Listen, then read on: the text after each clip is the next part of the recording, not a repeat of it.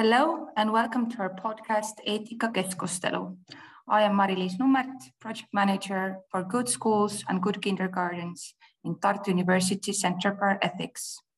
Today we have a guest from the UK, Gary Lewis, who also was our keynote speaker in our values-based education conference in 2020. Today we have asked Gary to chat with us again on the value of cooperation. And Gary has very gladly uh, chosen to do so. Um, if any one of you have not been acquainted to Gary before, then Gary has a very rich um, history uh, in education. He is currently chairing the Association of Character Education in the UK. Uh, I would say that it is very similar to our Good School and Good Kindergarten network. In addition, Gary has worked uh, with the leading uh, Center for uh, Character and Virtues Research in Birmingham University. He has uh, collaborated as their Senior Honorary Research Fellow in the Jubilee Center. And also, I think most importantly, I would say to our listeners, Gary has a very long personal past in schools. He has been the head teacher uh, in several schools and um, the head of Department of Education in Ofsted and worked as a character education advisor there.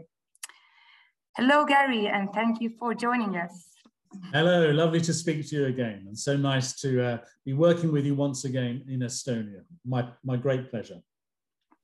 Gary, in your very, very long experience as an educator, if you think about the value cooperation, what does it entail for you? What does it mean? How you would, would define it?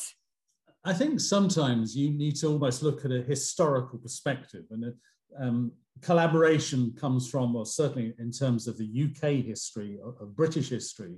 Um, if we go back 200 years, 300 years, um, people to survive had to work together. They had to work to, for their common economic needs, for their cultural needs, for their social needs. And they formed cooperative, whether they were farming cooperatives, whether they were cooperatives to help them survive in terms of living and so on.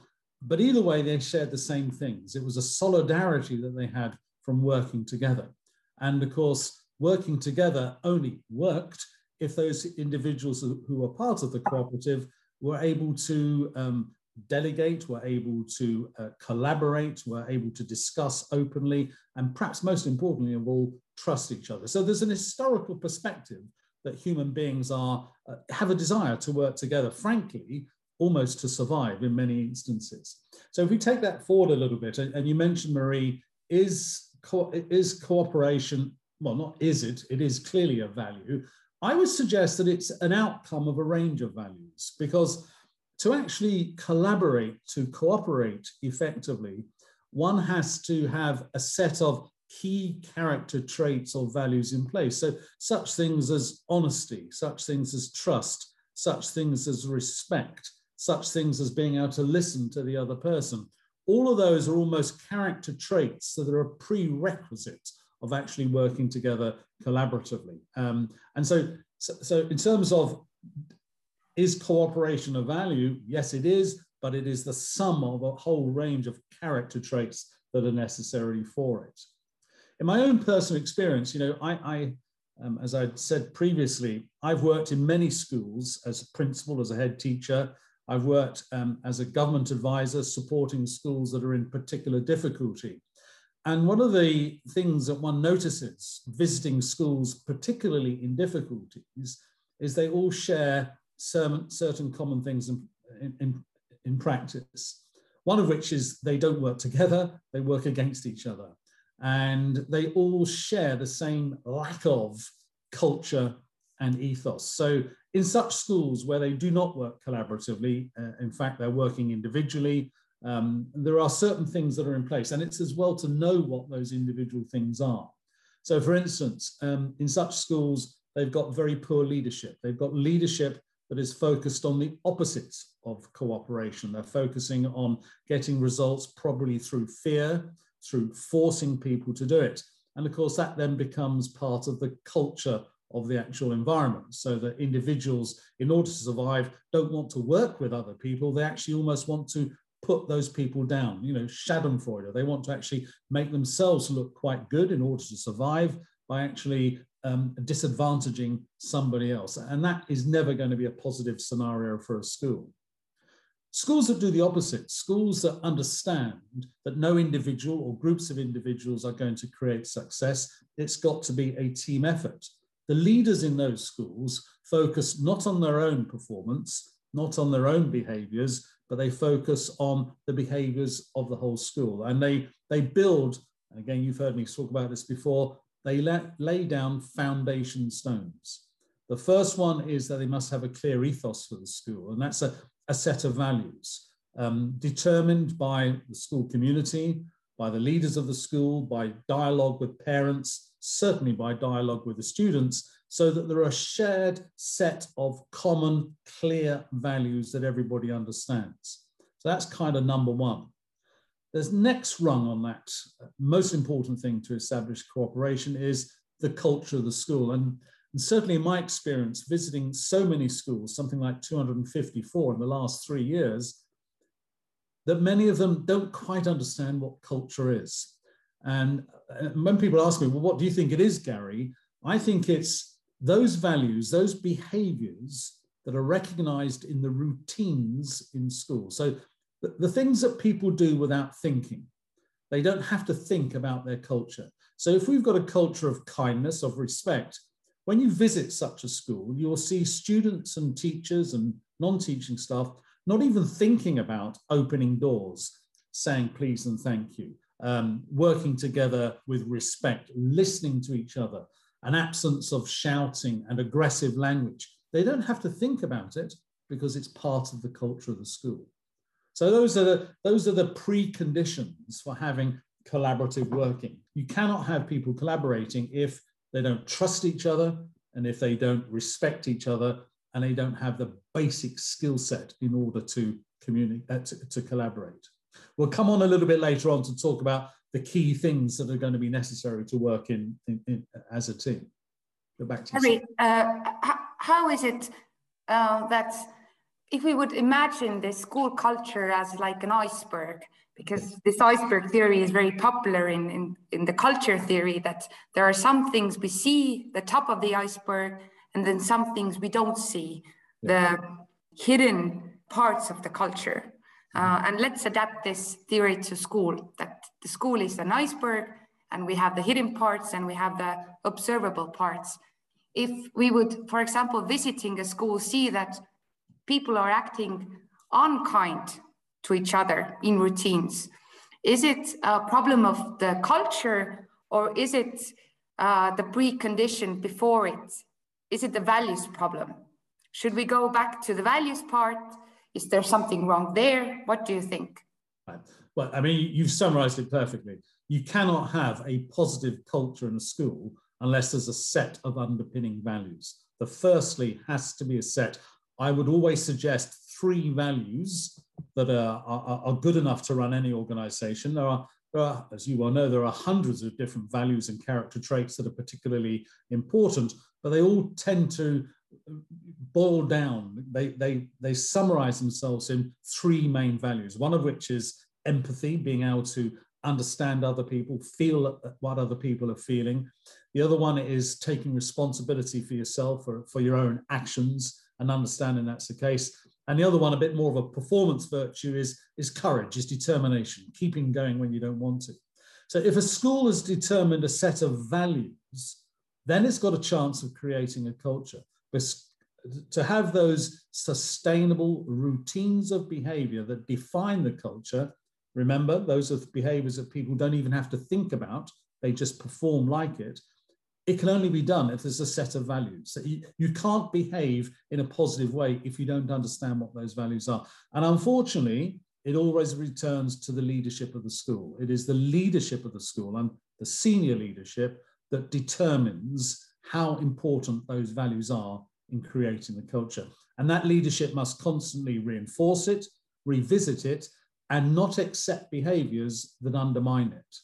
So it's not just about um, you know, promoting those values in all the sorts of good practice that many schools will do, but it's also not allowing those undermining um, uh, uh activities and behaviors, which can be incredibly damaging. And many leaders that I work with, ones that are struggling, is they don't have the courage, they don't have that determination to challenge those sorts of behaviors. And as we're going to be speaking about in a few moments, um, again, my experience in those schools is they haven't understood the whole value of communication.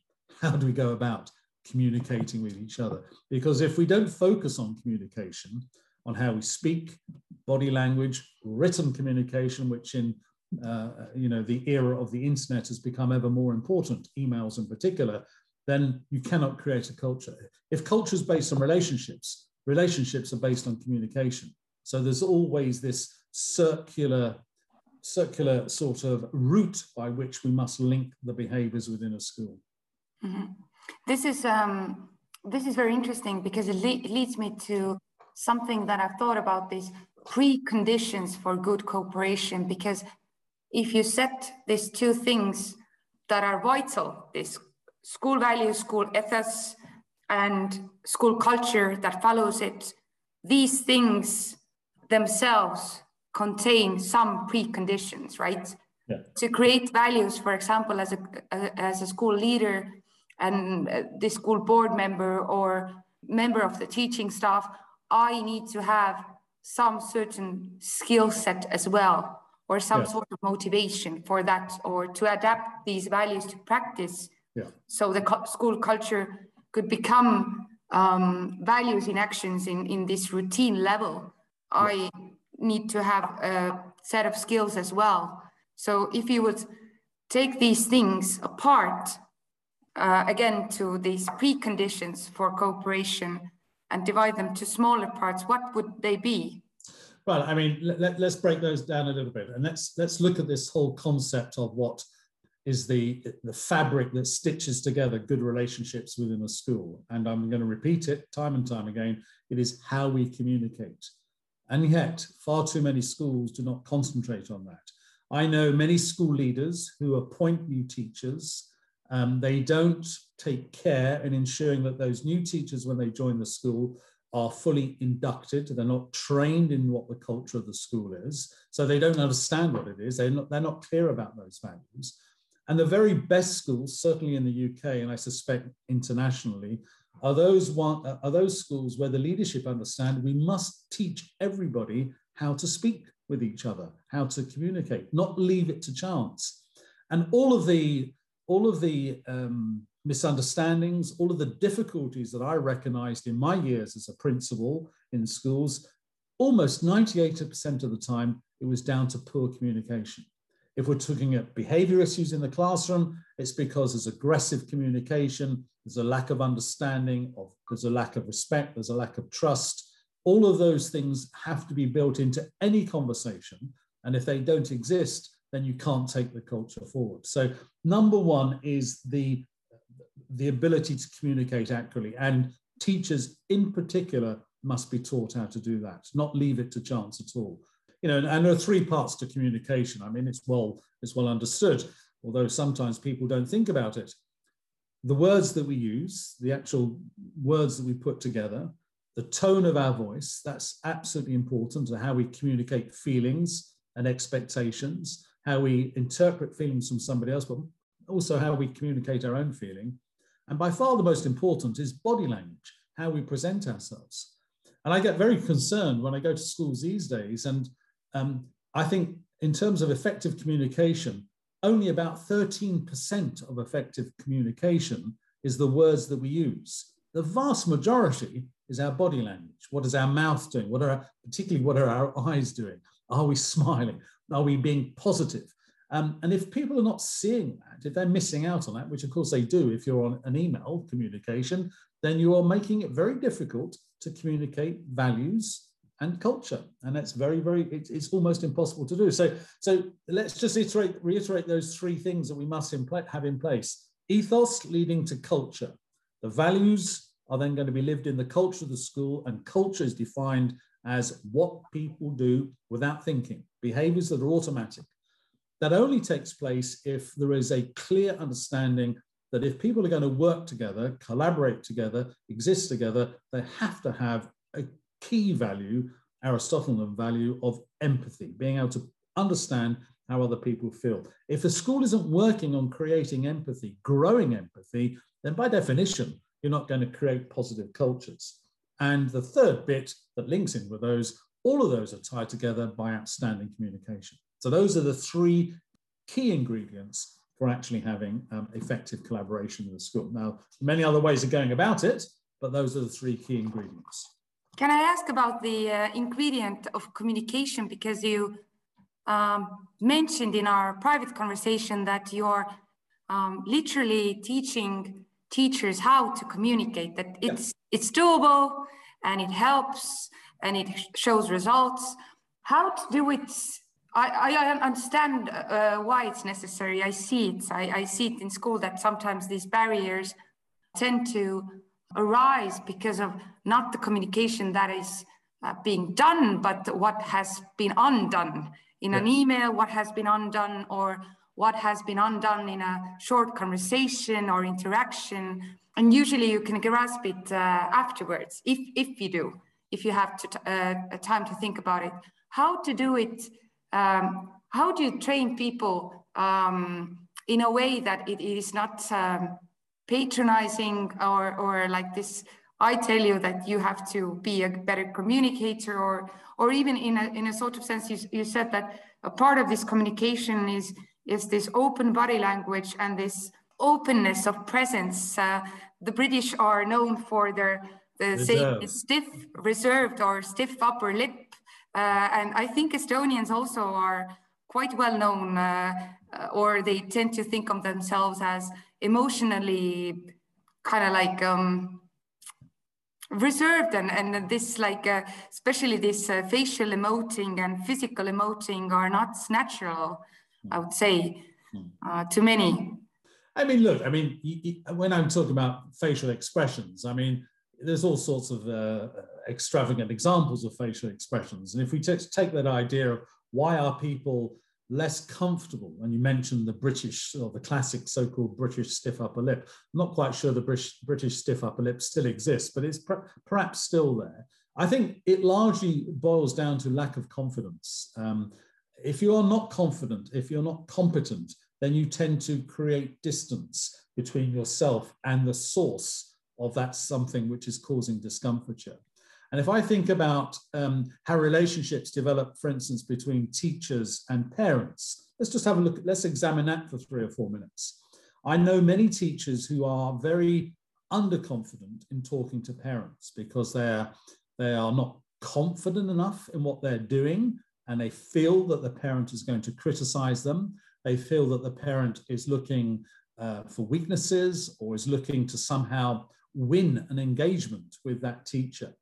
And of course, if soon as a teacher feels like that, as soon as they feel that they lack confidence, as soon as they feel that they are not competent, um, then they will set up barriers, many of them subconscious barriers. Um, they will not ring the parent back because they don't want to. So they leave it a day or two before they telephone the parent, and all that does is create further anxiety. And at the same time, the parent is worried that the teacher is thinking that they're not a good enough parent and that somehow the parent is being criticized by the school for not doing that. So you've got these two camps, these two sides the teacher representing the school and the parent already before they've even perhaps met each other um, if, if the communication hasn't been established properly, there's a sense of fear, there's a sense of um, wishing to do the other one down, to actually attack the other individual, and that's never going to be a basis for, for good communication. So when I'm working with teachers at school and I, they say, well, you know, Gary, um, I've got a very difficult conversation with a parent tomorrow morning. I'm really worried about it. I'm very nervous. And we've made some mistakes at the school, and the parent's fully aware of it. Um, how do I go about that conversation?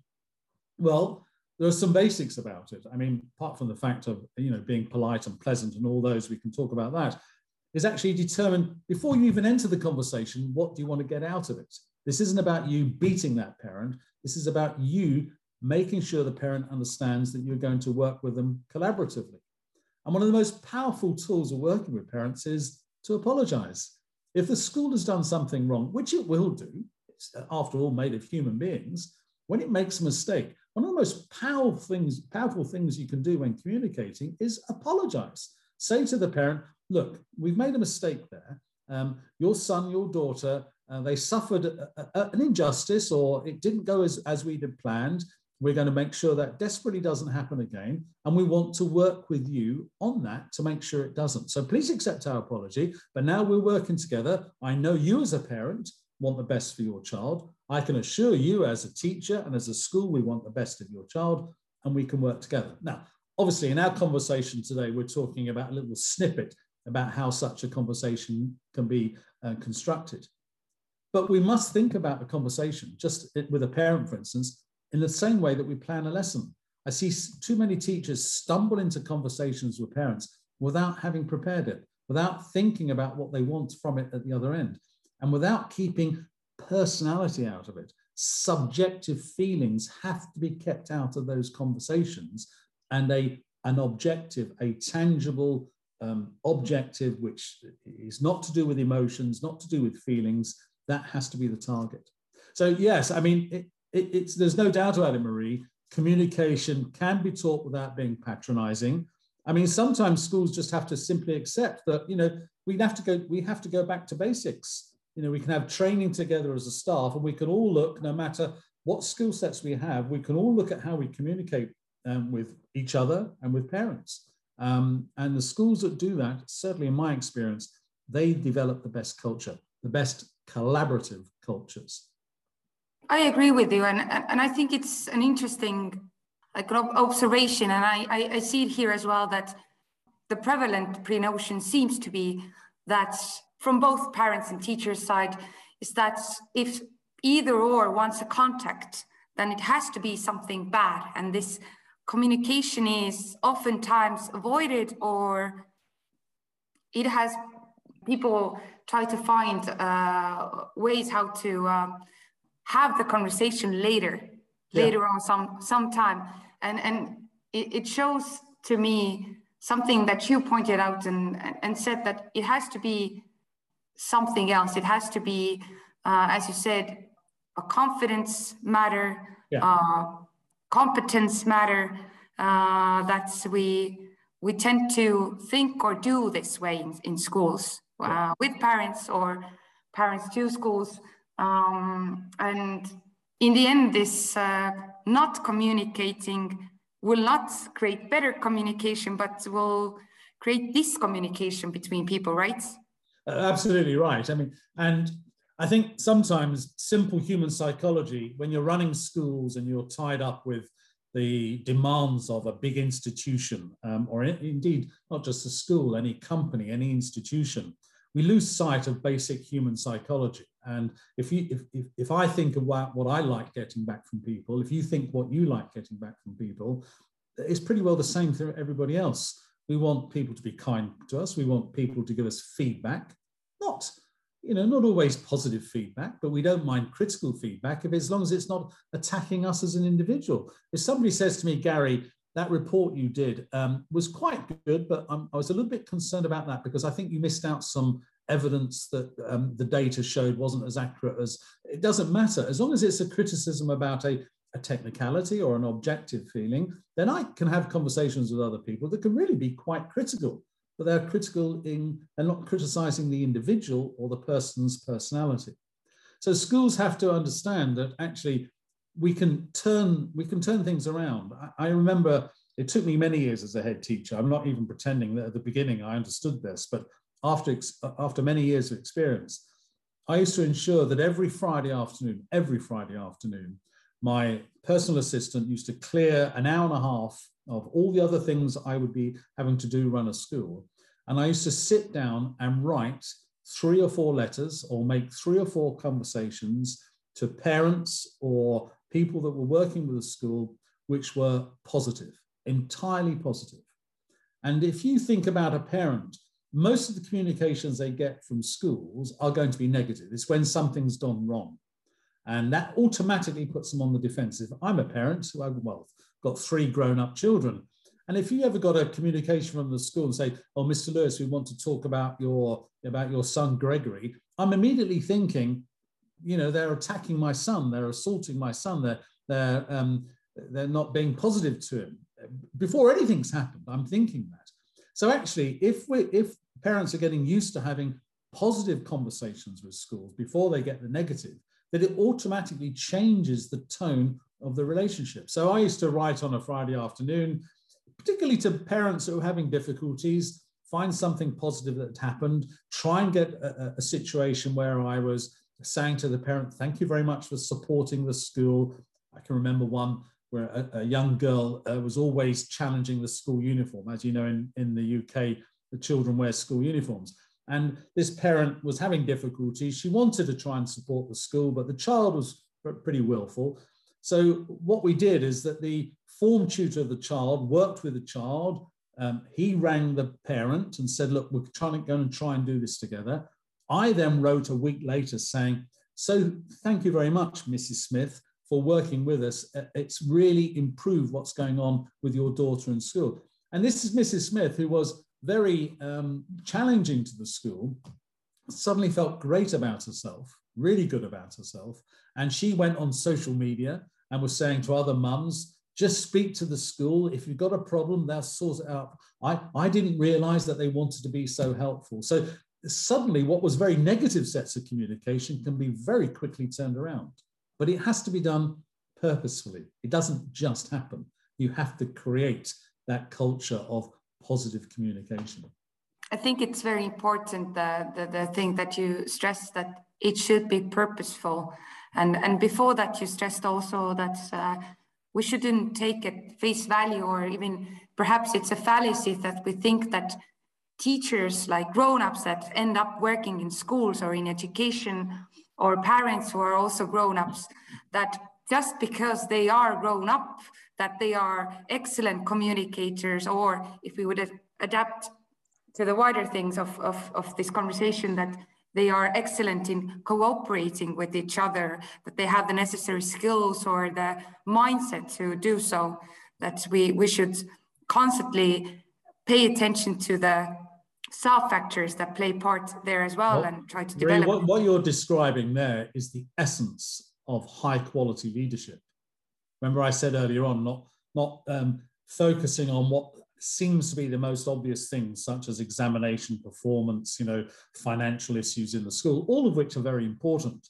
But the fundamentals that allow everybody to do their job trust, high quality relationships, values, a culture that actually supports everybody else. That's where the leadership need to have the courage to be able to focus on. Because if they got the courage to focus on those things, the rest will, will happen because teachers will feel empowered, they'll be autonomous, they'll be able to work independently, um, and they'll be able to do a really good professional job. And then the job of the leader, the principal, the head teacher becomes so much easier. But I do find that sometimes, particularly senior leaders that are struggling in terms of their own personal confidence, um, they think that they can grow personal confidence by being ever more destructive, ever more challenging, um, ever more disciplinarian with their staff and with their students. And that never works. It never works. You previously stressed these three, uh, three principles that uh, help to form this good cooperation culture in a school. And they were this strong ethics, this organization culture. Uh, and the third, that the organization culture is is practiced in, in these routines that is routinely seen and you don't even have to think about it it's so internalized yes exactly um, and also you said that there are three values that help with this in general like empathy there was uh, uh, self-regulation yeah. taking responsibility yeah. for yourself you know people have to learn even mm-hmm. when you're working collaboratively you must take personal responsibility for your own behaviors because um, even though you're in a team your individual performance in that team is crucial to how the team works. So self responsibility is crucial. Mm-hmm.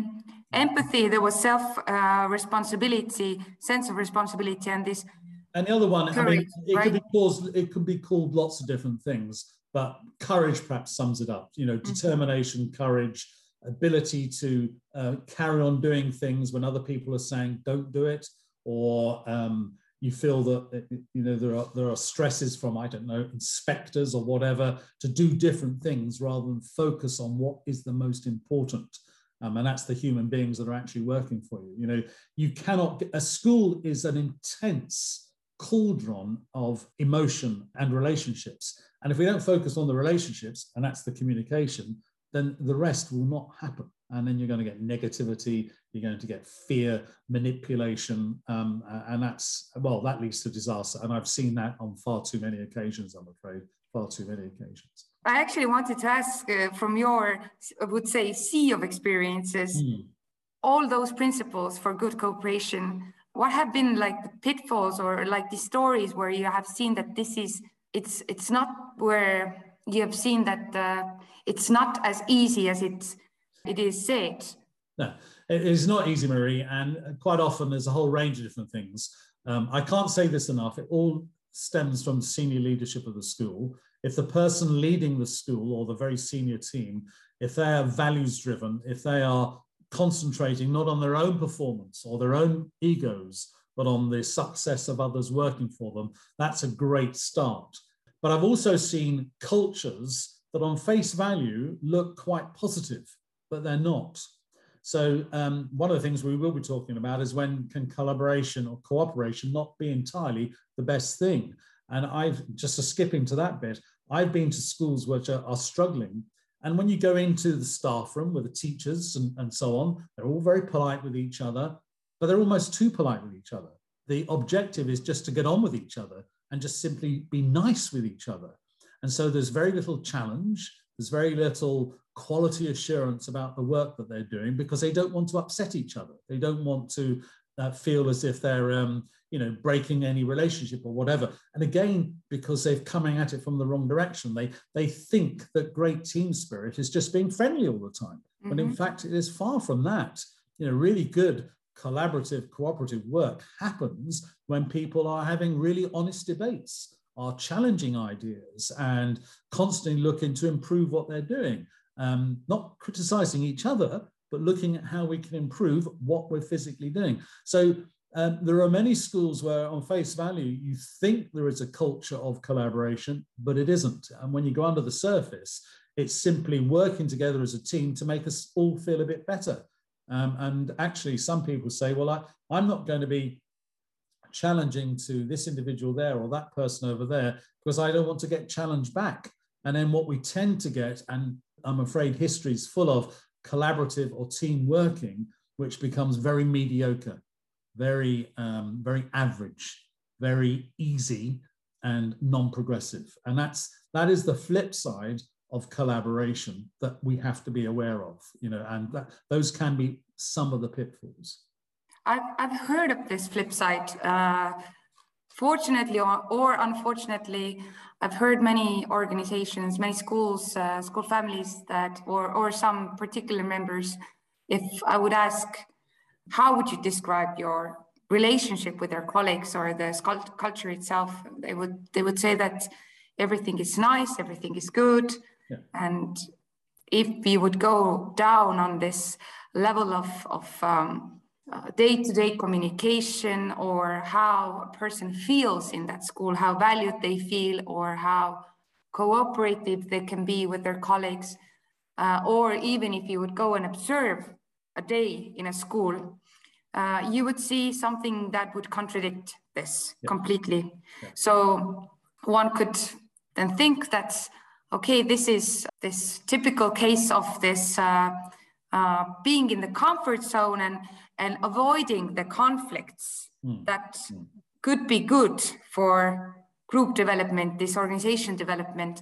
How to push through the average yeah. is my question. Well, it, it is. Well, I mean, you've to some extent you've answered the question for me there. So because if we're accepting the fact that working, as my opening statements, working cooperatively and collaboratively. By definition, you can get several minds, 10, 15 minds working together, you know, solving problems that one person or two people on their own cannot solve. There are obvious benefits to working collaboratively. I mean, clearly.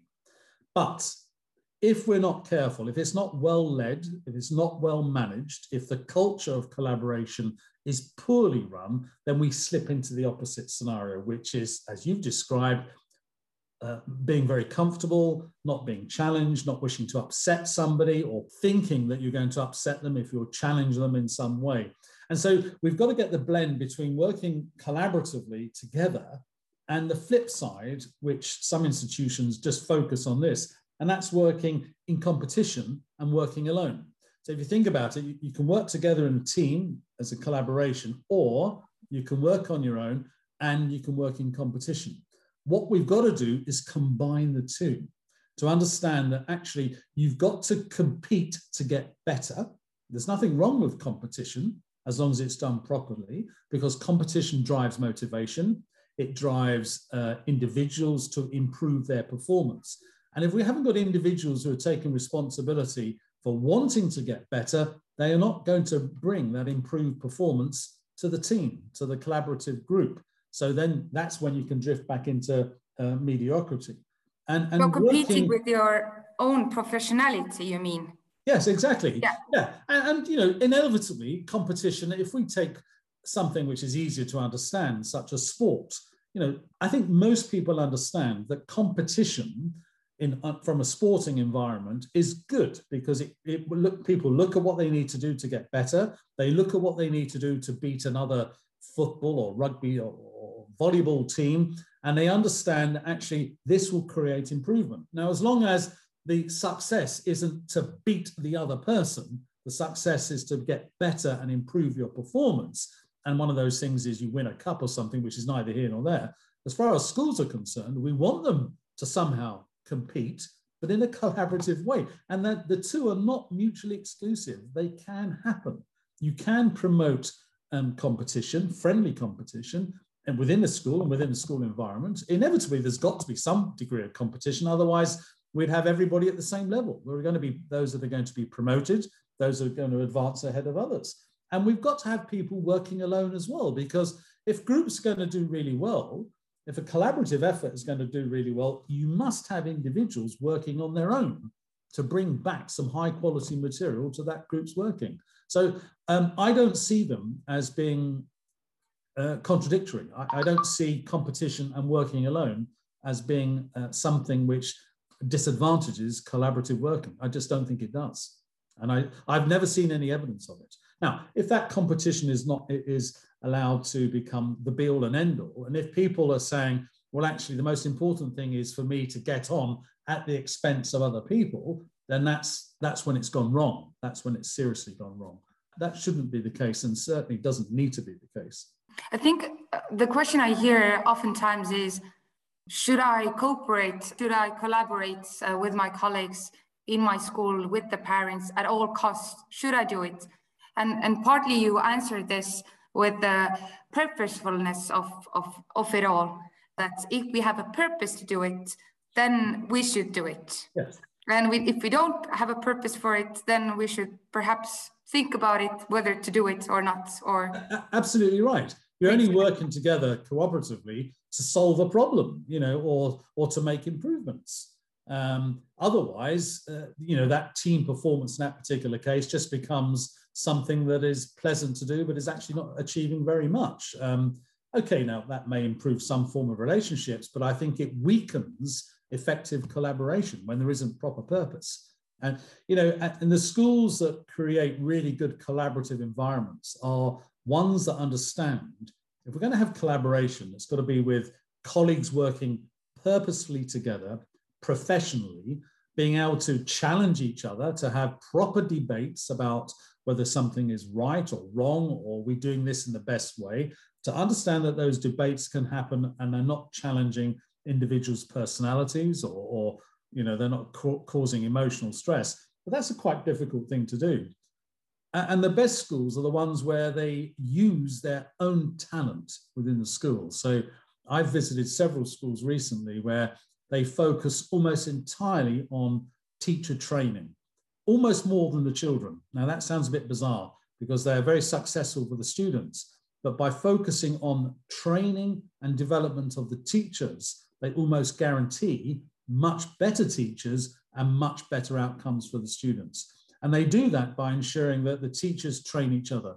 So each teacher has to run a session for at least seven or eight other teachers, at least a half an hour session every 10 or 12 weeks. And each teacher also has to attend a session run by another teacher. So you get this wonderful sharing of expertise. And I guarantee I could visit any school in Estonia and there'll be 30, 40, 50, 60 teachers there. And the level of expertise, the skill sets, the interest, the competence will be astonishing. And most schools don't tap into that expertise by ensuring that they train each other. And it's a wonderful way of creating a sense of value because if I'm training colleagues, if I'm working with my other colleagues, sharing my expertise, I get positive feedback. It means those other colleagues are feeling as if they're not alone, that they've got colleagues that they can go to for support and for some help and for some guidance. And it's a very, very purposeful way of creating a culture within the school which is mutually supportive, but but it's not, oh, we're all going to be just nice to each other for the sake of it. You know, we're going to be professionals. And I, I think that's a, an excellent way of going about it. With this, I hear a lot of this. Um, let's say it's for me, it's a mindset thing. This there's a uh, this answer that goes around about almost everything is the factor of time. That's yeah. oh, I would like to I would want to, I would desire, but I don't have the time. Or where would we get the time, find the time? So, speaking of the last thing you, you said that how to create this in-house uh, use of the talent and, and uh, use this different professionals to teach it, each other and, and uh, encourage and support each other.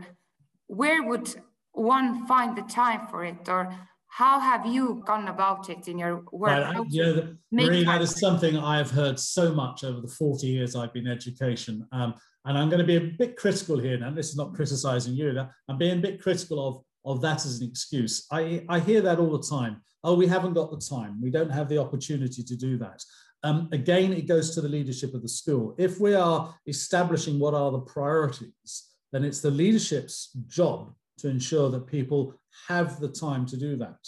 And certainly when I've gone into schools and people are exhausted and they're in meeting after meeting, I'd say at least 80% of those meetings are not necessary, or they could be done in 10 minutes rather than one hour if they were run effectively, efficiently, with high quality agendas. And you know, so instead of having an evening, I don't know how it works in Estonia, but instead of having an evening where there's a, a meeting for an hour and a half, you say, right, this meeting's got to be done in 20 minutes. So focus on what the priorities are. You've got 20 minutes to get them done, because after that, we're then going to spend three quarters of an hour, 45 minutes training each other. And that's when you might go into what in English school we call pit stops, because a bit like, you know, a car on a racetrack stopping to get a service, these teachers go around and are trained by each other in those sessions. So I'm afraid it is an excuse. It's a feeble excuse to say we don't have time. Now, teachers may not have time, in which case, whatever the reasons for them feeling that they're exhausted, that needs to be addressed.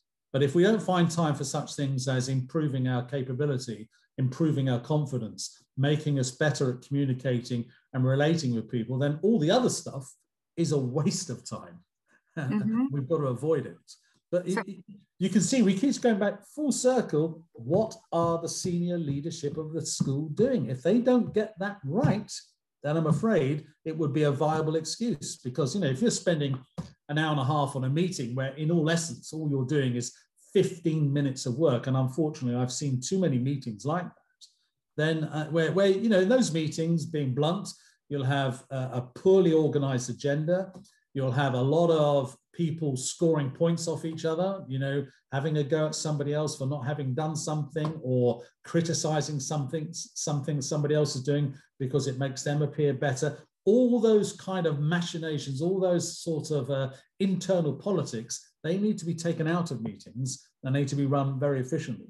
Uh, and you know, most meetings could be done in 20 minutes, not an hour and 20 minutes. And I think there's a lot of ways that schools can create time for the most important things if they've got the courage to do it. And then sometimes you just have to say to teachers, no, you will do this because this is more important than some other stuff. So the other stuff can go, but you will do this. This is brilliant. So if a school leader hears or hears many times this feedback of I don't have time or we don't have time or thinks that we don't have time, the solution is that make time Absolutely. Yeah, yeah, I mean, you don't ignore it because I'm, I'm sure, you know, I'm not suggesting that teachers will be saying that because they're lazy, although some will mm-hmm. be. Um, not saying it because they're lazy or they want to avoid issues, but it's an easy excuse. It's an easy way of avoiding the issue because, as you said earlier on, you know, uh, if we're thinking about, we start the day, and you know, if we think about communicating with parents, the thing that what you should do is ring immediately the most difficult parents because I can assure you that's the most important conversation. Get that done, get it done when you're fresh, get a solution in place. That parent will feel satisfied. You don't leave it for two days, so it's going to be an even worse conversation in two days. And exactly the same thing it, it occurs when running a school. Concentrate on the most important things, which are often the hardest things, so we don't tend to want to do them, and then, then allow time to build the confidence and the competence. Those two things go hand in hand confidence and competence but it does require courage. Um, uh, the leaders need to listen. They need to listen to where they can create space, where they can make the organization run much more efficiently, much more smoothly in order to create time. But I've never seen a school that couldn't do that. I mean, I, will give you another example. Whenever I work with teachers, literally teaching them how to write emails, it sounds awful, doesn't it? It sounds terribly mm. patronizing, mm-hmm. But teaching them how to write an email, and I say such things as well. What are the four points that you want to cover in the email? Are you clear about those four points? How are you going to start it? How are you going to summarize it? It needs to be no more than, you know, uh, X number of words long. And I always say to them, whenever you finish, you can always reduce that email by at least 30%. Always, always. No, no, yes, you can. And when you look at it, you can say, well, yeah, I don't need that sentence. That sentence there is not necessary. That one is just superfluous to what I'm trying to create. And so the same can be done with time. If you look at the school, you can say, well, we don't need that. We don't, we don't need to do that. We're spending that amount of time over there. Let's get rid of that and focus on what's the most important. But that's courageous leadership. But it's the most effective, by far the most effective.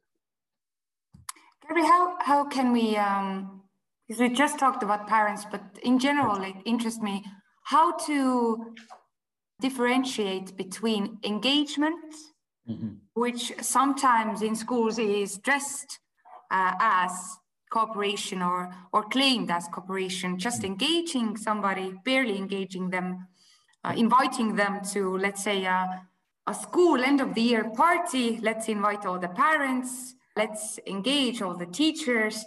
But in the end, it's just an exchange of, or this performative like value. It's yeah. it's not uh, cooperation that and and we sometimes tend to think of these engagement situations as cooperation or collaboration, but they are not, or are they? No, they're not. No, and it, it's it's like most things in life. You know, you plan things when you've got. You, I'm a mathematician, a scientist, and I like data. I like evidence before I do things. And if we look at relationships that school have with parents, they need to actually look at what parents are saying to them or what they can get from parental conversations. And parents want to feel valued, they want to trust the school, they want to feel that their voice has some impact. They don't want to run the school, they want to leave that to the professionals. Most parents understand that, at least the vast majority do, but they do need to feel as if they're part of the partnership, not just patronizing part, not just being saying, oh, um, we're sending you a letter saying how your son or daughter is doing, but a, an integral part. So one of the, I think, really nice things that schools do at the beginning of a new academic year, they invite the parents in for what I've described to you before as moral dilemma workshops. So situations where they come in, the teachers are prepared socially for it. So, you know, you can't have a relationship with a parent unless you're prepared to go up to them and smile and introduce yourself and and, and actually not be shy about that relationship. Tough though that may be, it's vital that it's done. And so you can set up these evenings where the parents and the teachers sit down together looking at dilemmas that schools face, where there may not be clear and obvious answers. And I think I gave one to you last year where you know parents are, face all sorts of dilemmas when they're trying to manage their children to say when to say no, when to say yes, all those sorts of things. Well, that can be done in collaboration with the teachers so that both teachers and parents see that there are no easy solutions and that actually the best solutions come from negotiation, discussion, understanding the other side, and then making a decision. And it really does work because those parents then feel empowered and they only develop trust and confidence via those relationships. So if there is no relationship, if there is no communication other than critical communication, by definition, there is no positivity. And without that, you can't go forward. This is a very good practical recommendation for schools, I feel. And actually, in the Ethics Center, we have dilemma games or values games for school families. Yeah. Uh, we recently, yeah. in 2020, just released the newest game, the Estonian um, people's game on uh, choices, this uh, value choices. So we have even materials, these practical games to give to schools to use. If they don't want to create their own dilemmas, they can yeah. use from there uh, to values cl uh, clarification and for value communication. And, and, I'm quite sure they could take those examples yeah. you've given them and adapt them to their own community of course, and their own particular need, you know, because uh, there's lots of moral dilemmas that one can look at and it can easily be adapted to suit different scenarios. But it's about how do you engage them and you can't just leave it to hand. I, I see some teachers say, oh, look, we've tried to invite the parents in. I say, well, what have you done? Well, we wrote a letter. Well, I'm afraid it's not good enough. You you're going to need to write a letter. You're going to have to drop it in another newsletter. You're going to have to get it in a school assembly or a presentation so that students are talking about it. And then you're going to have to get whoever does it in Estonian schools to actually ring some parents to specifically invite them as individuals. You know, if you imagine you're a parent and I'm ringing you and I say, Mrs. Nummert, um, you know, we're desperate for you to come to this meeting we've got next week. we have got, you know, uh, the parents of those that are 13 years of age, and we want to discuss um, ways to avoid bullying in the school. And, you know, we've met you before. We feel you'll, you'll be particularly useful. Could you please come along to that meeting to help us out? Now, you would be flattered by that. You'd feel as if the, the school valued what you thought and that you would then say, yeah, I will come up and help. So schools have to be active about engaging parents. One letter home isn't going to be good enough. It really isn't going to be good enough. It's not courageous enough and it's not determined enough. Yeah, yeah, I, I agree with you. And, and what, what you just shared as an example leads me to a question or, or thought should the cooperation we have with the families be on more, let's say, serious, uh, more serious matters than usual? Because usually parents are invited to school to hear things that they could also hear from an email, let's say. Absolutely, yes. Absolutely. If it's going to be a true partnership, by definition, they have to have some role. Now, I mean, you don't want a scenario where parents think that if they say something, the school's going to do it. That's the opposite side of it. But if we look at any consultation, uh, indeed, if we take, take an example of me as a principal, as a head teacher in a school, I have a, a table of you know eight senior colleagues around me i will listen to what each one of them are saying and i will weigh it up and look at the you know the, the pluses and the minuses of what they're saying. But in the end i will make a decision which inevitably will be a compromise and will be on a, a balanced basis. Now we need to make sure that parents understand that it's a consultative process and that we want their input but in the end running the school still has to be left to the teachers. But in my experience, you know, if you've got, um, I don't know, 30 parents sat around talking, some of those parents will have outstanding careers themselves. They will be strong in their own fields. They will be accountants. They will be lawyers. They will be engineers. They'll have all sorts of expertise. And it's naive of us to think that they can't bring some really effective solutions or thoughts or ideas to the school. It's, it's a great source of, of skills that we tend to ignore because we're frightened of it. We're frightened of it, you know? As a school leader, have to have set the structure of the yes. communication, of the yeah. cooperation, right? Yeah. Because you are there and the parents, they are Yeah. They are there for some time with their kid, but they are not there for forever. no, absolutely not. absolutely not. absolutely not. And, you know, certainly as a head teacher, I used to have many roles, but I used to make sure that I was always at the beginning of the day and at the end of the school day, I'd be out there on the school gates. I'd be talking to parents. I wasn't going to be their friend. I wasn't going to be, you know, somebody who they were going to talk to as if I was just their next door neighbor. I wanted to be friendly. I wanted to be approachable, but I still was the head teacher. I still had to have that professional distance, but it can be done. You know, you can be a professional head teacher and have a very warm, positive relationship with parents. It's, it's that the, the two are not mutually exclusive, not at all. Considering the kind of like the lines of professionality that you said that mm. you are not their body, you yeah. are friendly and you are friendly and open in your role. You you understand that you're in the role of a, a head teacher, which in Estonia would be the teacher of a principal. Or if I am a teacher in your school, I have to understand that the teacher thing is my role. Yes. I am in my role, I am friendly, but I have also other roles. I'm a person and somebody's partner. And how to, especially in these very difficult times where COVID crisis has forced us into homes and the communication and co- uh, cooperation have become much, much more necessary or evident, I would say, yeah. in relationships.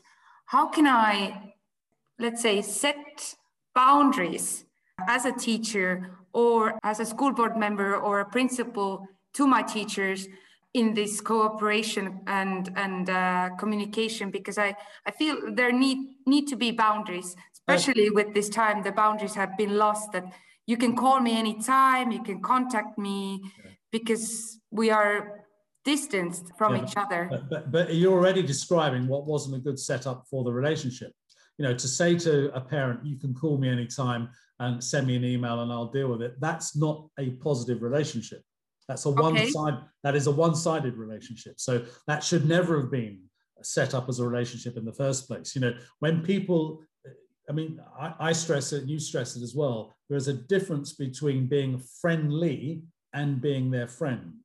Friendly, as far as I'm concerned, means that you're approachable, that you're going to listen to somebody, that they feel that they trust you, and that um, that you that, that you're actually going to listen to them. But you can still have massive professional distance between yourself and a parent, and indeed somebody else in the school, and that needs to be clear all the time. So um, certainly Board members mustn't be involved in the operational matters of a school, and parents must never feel that they're going to be able to dictate or determine what happens in the school. They can work with the school, but the school is making the decisions. And that's up to, again, the leadership to be crystal clear about the boundaries, you know, and discuss them beforehand. Discuss what is acceptable conversation, what isn't. But certainly saying to parents, oh, yeah, just send me an email. And because we've had the same here in the UK where parents were getting used to sending emails, and then teachers were writing emails on a Sunday afternoon, and then parents were getting upset because they hadn't been responded to by seven o'clock on the Monday morning. Well, that's a poor setup and that's unsustainable, and that needs to be eliminated and very, very rapidly indeed. Yeah. There are, there, are, positives from it. One of the things that I've noticed over COVID, over the last 14 months in particular, is that um, I'm sure it's the same in Estonia. English schools often start the day with an assembly when the head teacher or somebody will have a group of people in a hall and we'll talk about values or, or something, you know, hopefully inspiring or important to the school life or whatever. And of course, largely parents never saw that or never heard it. Whereas now, a lot of those uh, assemblies, a lot of those presentations are now being done online, and parents are at home and they were listening to those presentations, those assemblies, and actually they have a greater understanding now of what the school is trying to do in terms of values. So that, that ability to be able to communicate with parents via such things as multiple Zoom meetings and so on, that's, that's an advantage that's come out of COVID that we can use going forward. In your experience during this crisis, did you see some let's say, excellent examples of schools adapting these cooperation practices. Because I really, really feel that uh, not only cooperation as a value or this communication, the necessity for good communication and the structure for communication, that, let's say this, the need for clear values became very apparent during this crisis in schools and, and many many schools reflected let's say in their uh, description of the crisis. So have you have you met any head teachers teachers uh, parents who say that my school dealt with this excellent i felt this cooperative spirit throughout I'm the not crisis. entirely sure. If I was to be really honest with you, Marie, I'm not entirely sure that they would say the cooperative spirit was was uh, established or, or enhanced over the COVID scenario. But in terms of communication, which inevitably will lead to better cooperation, if what I've said earlier makes some sense, then the uh, schools that I have worked with have really focused on their communications with parents. So sending much more regular bulletins home, having presentations such as what we're doing here now, which will explain what's going on, particularly when they were engaged in online lessons, um, chasing those things up. So communication and understanding of what the difficulties were to overcome them together did improve. And certain things did, did come out. I mean, when schools were working in bubbles, some schools now are keeping students in bubbles. Not entirely, but uh, younger students are having more time separated from older students so that they're not necessarily negatively influenced. So there's a lot of things that are coming out of it. There's a lot of negativity. I think behavior has got worse since English schools have now gone back. There are no restrictions now. Um, there is a, undoubtedly a sense that uh, certain behaviors which require children to show self-regulation are not as good as they were. And younger children in primary schools, the first schools, we've got six and seven year olds now who really haven't experienced any routine of school. Um, and if they're coming from badly routined parental backgrounds or indifferent parental backgrounds in terms of structure, they're finding it a real struggle. Um, and I think it's going to take several years to eliminate some of those pockets of difficulties. And, and, certainly here in the UK, we're very much focused on, on catch up and trying to recover. But, but the very best schools that have had values have understood that those values have come to the forefront when it's been tested, as all values are. You know, you're tested when you're challenged, and COVID has challenged all of us. And if you're a school that's based on really shallow values, or those values are not lived within everything the school does, I'm afraid you will have been exposed and probably still are being exposed. And I, I bet that's the same across the world, in all honesty. I really do hope sometimes in these situations that if the house of cards falls mm. under this pressure, that the, those people in the card house would have the would have the courage and also the let's say the strength uh, to rebuild or start building especially considering the trying time as well. Gary, I am a young educator. What can you? What are you uh, going to say now? You be careful what you say uh, now. You're a young educator, and you're going to say young in in uh, in experience. Let's say compared to your experience. I'm not that young in in, in that sort of sense, but uh, at least uh, in experience uh, compared to you. What can I, as an educator, critically ask myself about the value of cooperation today? I, I think you need to, well, look, I did say to you that I don't necessarily believe that cooperation is a value in its own right. I think it's an outcome of real values. And those real values are such things as courage, self-regulation, empathy, and so on. So I think you know if you if you're going to be a good collaborator, if you're going to work well in teams, you've got to make sure those three values are absolutely outstanding every one of us, Marie, can look at how we communicate with other people. Are we being seen positively? And sometimes that requires us to be courageous, to ask people about how we communicate. You know, do you find me positive? How do I appear in meetings? You know, when I write emails, do they make sense to you? Do they communicate accurately what I'm going to? And if people are saying, do you know what, Marie, I'm glad you've said that to me because I'm not sure, then we have to respond positively to that. And that's how we change um, for the better. You know, that when we have the inner courage to be able to take criticism that helps us improve, but we then don't say, well, I don't believe that and, and become aggressive and, and negative in response. But that requires us to be confident individuals, very confident individuals. So, yeah, anything that comes out of this hour, communication, communication, communication. That's it. Number one, absolute number one. That's the underpinning of all high quality relationships in our society. Number one. We will uh, write it down and put it on a poster. communication, communication, communication. communication. communication yeah. Body language, tone of voice, and words that you use. Those are the three bits. Thank you so much, Gary. It's, it's my pleasure, Marie. And I, am uh, well, I do hope to be, as we discussed, I've never been to Estonia. I'd love to visit, and hopefully in the not too distant future. I know you have a beautiful country.